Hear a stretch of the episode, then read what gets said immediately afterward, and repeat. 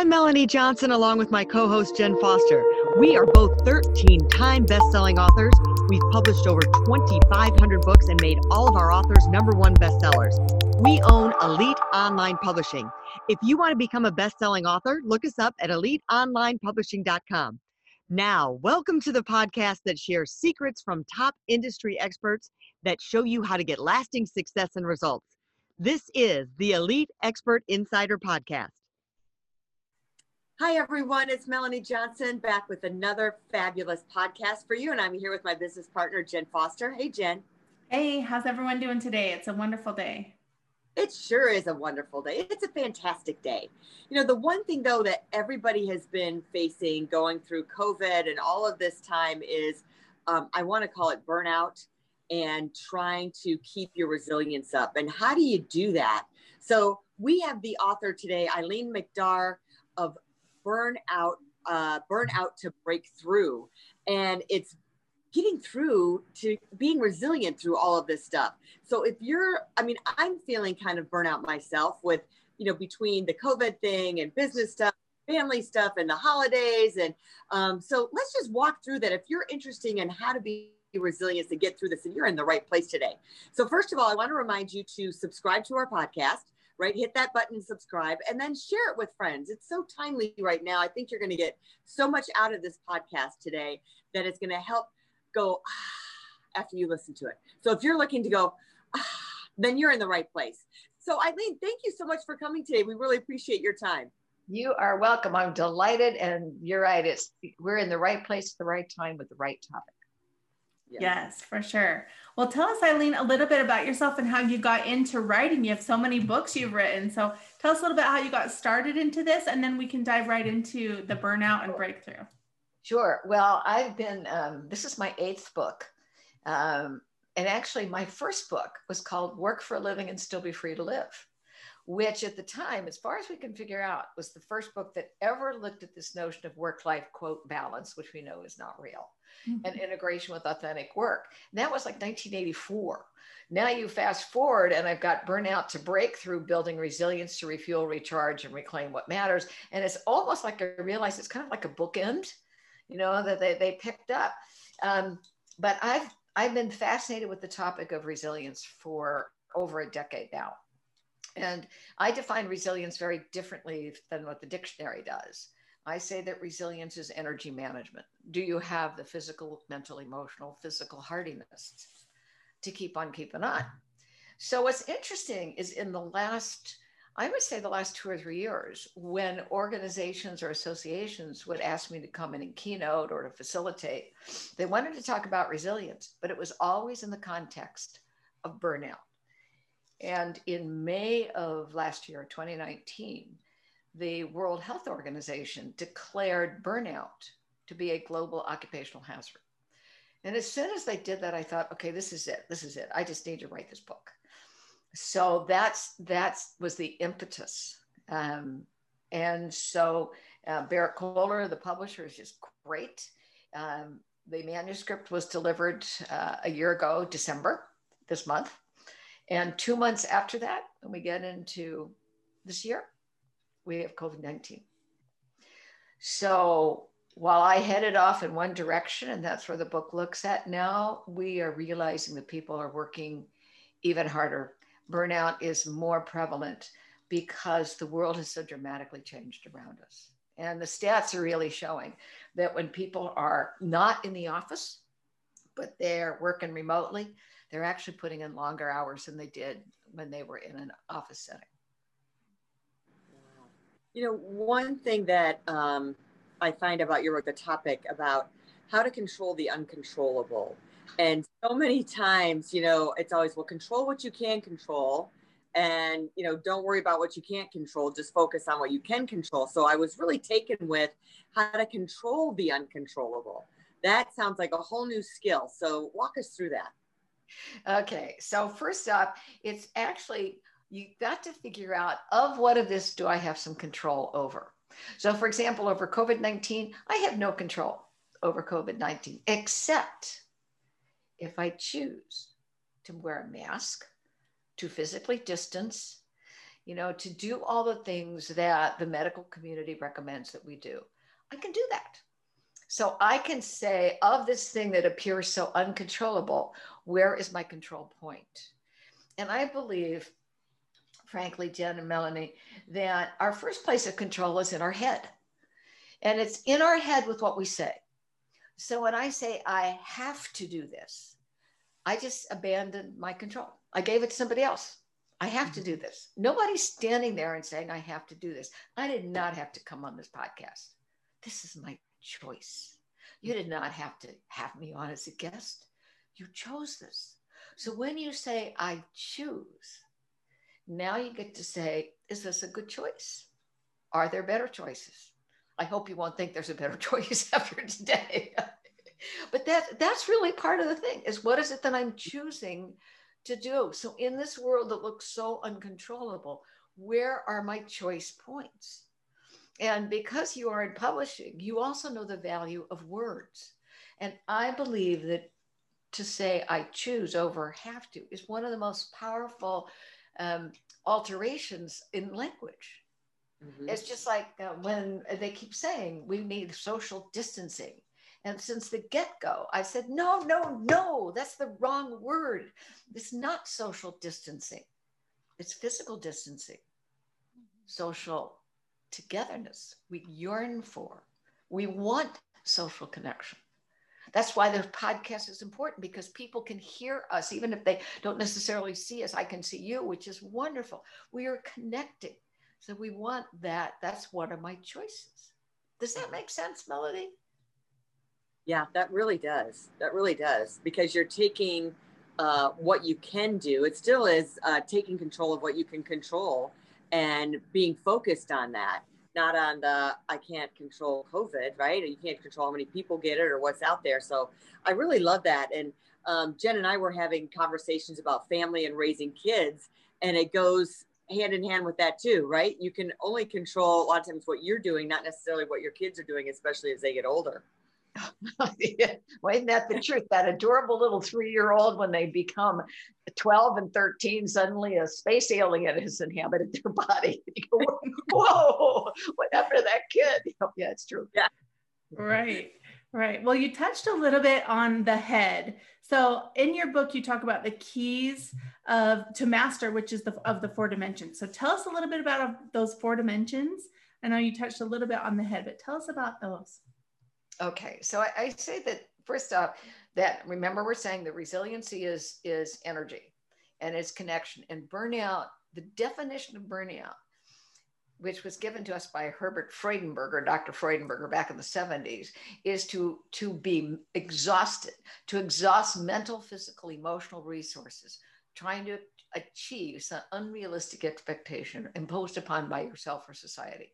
So if exhaustion and all of its different manifestations, which could be everything from uh, depression to uh, overeating, undereating, uh, no longer connected with work, you've lost your sense of humor. There's a huge list of it. So, if exhaustion is the base of it, then how do I get back that energy? Energy comes from connection. And if you think about it, if I have uh, a power plant and I got wires and the electricity is going to go across the wire, if it's a good connection, it goes and the lights go on in your house. You turn on your car. If it's a good connection, battery sparks, car goes more, moves forward. Bad connection, batteries drained. So when I talk about those four pieces, it's how do we I create a connection? And is it giving me energy or is it depleting my energy? And that's the choice point. So we talked just a little bit about connecting with your head. What is it that I'm saying to myself? When you connect with your heart, which by the way is a powerful energy resource, there is we can track the energy of the heart at a greater distance, physically track it than you can the energy of a brain. In fact, we now know that the heart is called the little brain, that the heart talks to the brain. And so, how is it that I'm creating connections with my heart? First, connections with myself. And when I say that, how many, but either of you, and, I'm watching you now, I will tell our listeners what I see. How, either of you, have you made a error and you thought, I knew better, but I didn't pay attention to my intuition? Have you ever done that? Definitely. Okay. So for the listeners, I want you to know they're nodding their heads. Yes, because we have all done that. So how well do you listen to your heart? Because your heart oftentimes gets overridden by your brain. And so how do you connect with the heart? And then how do you connect with people who give you energy or things? I mean, it could be your dog. It could be your grandkid. It could be, you know, walking outside in the in the woods or through the snow. Um, but that emotionally there is a connection that when I do this, I am connected with my heart. And also part of the heart connection is gratitude. What am I grateful for? And maybe I want to extend something to someone else and, and they don't even know what it is, but what do you know? Their paper appeared on the front door this morning because I chose to get up and put it there so they don't have to come out in the cold and get it. So connecting with your heart, connecting with your hands is, is really about action. It's one thing to think, it's one thing to feel, but it's another thing to do. So when I think about building resiliency, is what are the things that I will do? And Melanie, you asked that question about um, controlling the, the uncontrollable. What are the things that I can do, physically do, that will give me energy or at least stop the thing that's depleting my energy? So, you know, in the book, I, rec- I recommend some steps of how do you figure out, you know, there's something you can do to figure out where your energy is going. Because I guarantee you, many of us have no clue where that energy is going to. And they are tasks that we have taken on. We have been like that little bobblehead, you know, that goes up and down like this and go, yep, yep, yep, yep, yep, yep, yep, yep, yep, I'll do it, I'll do it, I'll do it, I'll do it. And until we stop and look and take, why? Why am I doing that? Who says that I'm the one that has to do all the wash? Wait a minute. What, why don't I train that six year, 16 year old? I can hear it right now. No, no, no. By the time I tell him how to do it, I might as well have done it myself. Sure, there goes your energy drain. Hey, kid needs to learn how to use the wash. Go do that. You know, why is it that we say yes to answering all the emails? Uh, no, I'm not going to choose to do that. So, so it really is looking at action. And one of the best ways to begin to get control back is also with our physical bodies. What are the actions that we do with this? So that's everything from sleep, nutrition, exercise. So that's the hands. When I think about action, think about do. And then the, the other connection is with humor. And that's the ability, what recharges us often is laughter. Laughter. There's a, a wonderful book by Stuart Brown on play. And basically, his research looked at the fact that, that people who do not laugh and play as an extension of laughter, that when they looked at people who were incarcerated in prison, most of them never played as children. Think about that. That um, Epictetus said, play is the exaltation of the possible. And when we're in crazy worlds like this, don't we want to find what's possible? How do we become creative? So play and humor. Look at all the memes that we're seeing that come across, right? That you just stop and you just you just have to laugh. Someone sent me one the other day. It said, you told me that to go to the grocery store, all I needed was a mask and gloves. You lied. Everybody else was wearing clothes. so you know, it's just just so crazy. There's and there's some just great ones. There's a wonderful. Um, it's on it's on YouTube and it's a parody that's from um, Beauty and the Beast and it's the segment of wear your mask, wear your mask, and here are all the little characters dancing around. It's wonderful. You laugh, and it's a great way of delivering a serious message with fun. Because if I deliver a serious message with fun, chances are people will pay more attention to it. So those are the four connections. And there is one, there is one fifth one, which is the power of purpose. That um, Viktor Frankl, in the middle of the Holocaust, wrote that man or woman, I might add, can survive any what if you have a why.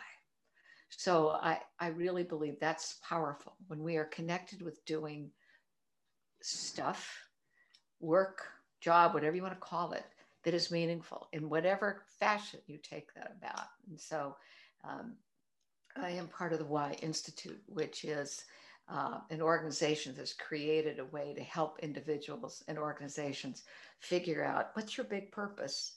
How does that show up? And OPS, what do you do? So finding that why is is the last one, but it's an overarching one. I love those. And you know, I think when you talked about the energy, it's like, okay, that's I just put that on my to-do list. Make an energy inventory. You got it.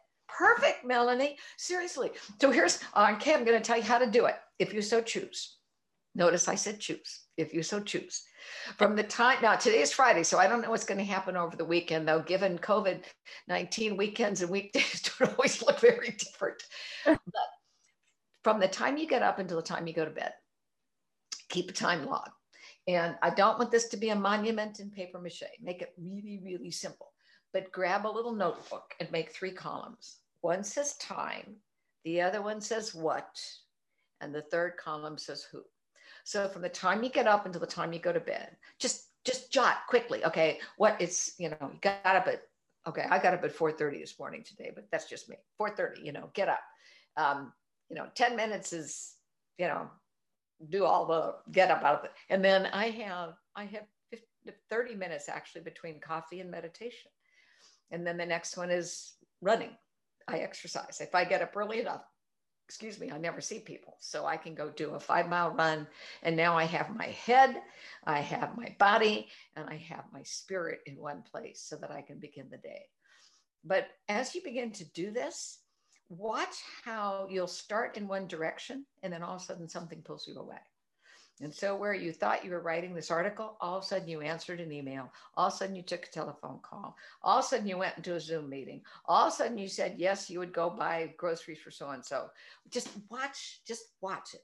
And I will guarantee you at the end of three days, if you take those pieces of paper and you put them out on the dining room table, the kitchen counter, whatever, and you start looking at them, you're going to step back and say, hmm, why am I doing this? Why am I doing this? Why am I doing it this way? Um, if you if you just do this a couple times, the first time I came up with this idea, I discovered that I was spending an inordinate amount of time. I was uh, on the national board of a national association. I was board of directors. I had no idea how much time that was taking. I didn't know until I looked at that and I said, given this phase of where I am in my life, that's the other part, where I am right now, is this of value? And do I choose to do this? And I resigned for where I am. So you look at it, where are you right now? Where where is your choice points? And what's mm-hmm. the value now? I had no idea how much time I was spending with one of our neighbors who was a became a widow. And she's just mean and nasty. And I felt sorry for you know women. We do this. We feel sorry for people, and I'm, mm-hmm. i feel guilty if I don't go and check in on her and do all this other stuff. I had no idea how much time I was taking. Mm-hmm. Now, did I abandon her? No. But did I alter the amount of time? Yes, because what I was missing of value to me was my family. Mm-hmm. It's an interesting, it's an interesting, simple way of saying, where is my energy going? Yeah, because you can look at your time and you look at your energy because and you look at who and what, like you said, you have everything all right there. And you can really assess, oh, maybe I could put all these together and have less time instead of doing them all random, like you said, like things come at you and mm-hmm. you know, I discovered one of the times I did this because I was getting into overload and burnout. Um, the amount of time I was spending looking for a document. Mm-hmm. I realized my office was not organized. I couldn't find. So I went out and got a professional organizer mm-hmm. and said, okay, help me figure this out. To this day, I still use the methodology she gave to me for filing, which is instead of filing things by, by okay, what did, see, no, what did I call it? This, everything is numerical. So you have, say, one numbers one to 40. And on my computer, I have, let's say, number if I type in, I don't know, disability insurance, it will show me what number that is under. So I just have to type in disability insurance. I don't have to remember was it this or this. And so each one of those, and by the way, if I get rid of disability, I still have number 40. I can fill in. I'm going to fill that in with with uh, podcasts, with Elite Online Publishing. Stick it in there. Mm-hmm. It's uh, you know, so there's uh, it's interesting what you'll find. Well, one of but I want to get to before we leave of the six ways to remain resilient. Okay, you got us there. You've given us some tools. How do we stay there? First off, and, and you said to remain resilient. I think resilient is a life skill, which means that we've never fully saying, aha, that's it. Because life isn't static. So stuff is going to happen. What I believe is that if we cultivate, and that's a really important word, cultivate. Just like you cultivate a garden, you have to loosen the soil, you have to weed, you have to seed, you have to water. And oh my God, the season changes. We're in drought in California. What I planted isn't going to work. I have to try something else. Life is going to go like this. But each time something occurs, I learn. So it is in the practicing, in the cultivating of these skills that when an event occurs, and by the way, it doesn't have to be something terrible. We think of resilience as when it's terrible. You know, if you were offered a great opportunity, let's say perchance that suddenly some big movie star came to you and they wanted you to do their work and, and go, oh my gosh, you're going to have to deal with all these publicists and you're going to have to deal with networks. And okay, you're going to expend a lot of energy. It's a challenge. And you're saying yes to it. So you're going to need resilience for that. So it's it's a continual process, but I think in the developing of the skills, you get better and better at the craft. I love that. And it's really important for practice, like you said, so you can become a master and have it be a life skill. So that's wonderful. That's wonderful. Well, tell us, Eileen, where people can go to find you and get more information about you and your books. Thank you. Well, first off, if they can find my name, spell my name, which you will have there, they can find me. To my knowledge, I am the only Eileen McDargh in the universe. Once my grandmother died, I think we think that's it. So you can go to my website, www.eileenmcdargh.com. Um, you can also find me on Amazon. I'm on Twitter. Uh, I'm McDarling. I'm on LinkedIn. So the book is available. It's also available through Barnes & Noble. So you can find books that way. And you can email me, Eileen at eileenmcdargh.com, and I answer emails.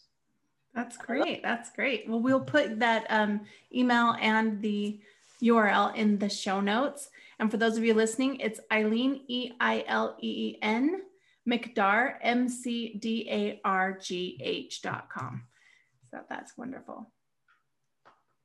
All right, we are so glad that you came today. I have a bunch of notes from uh, our conversation, and I hope everybody else does as well. So thanks for coming today, Eileen. And we want to remind you to subscribe to our podcast and share it with other people that you think that they would enjoy it and get something out of it and improve their lives, inspire them, motivate them, and educate them as well. Remember, if you're looking to publish a book and become a number one best-selling author, look us up at eliteonlinepublishing.com, and we'll see you next time. Great. By the way, I subscribed. Oh, great. Thank you. Make it a great day. Bye. Thank you so much. Hey, are you looking to increase your revenue, build credibility, and elevate your brand? This podcast is brought to you by Elite Online Publishing, an innovative publishing and full spectrum marketing company. They will publish and market your book to make it a number one bestseller. Becoming an author is the best way to market your business. So contact them at eliteonlinepublishing.com today. All of their authors become number one bestsellers.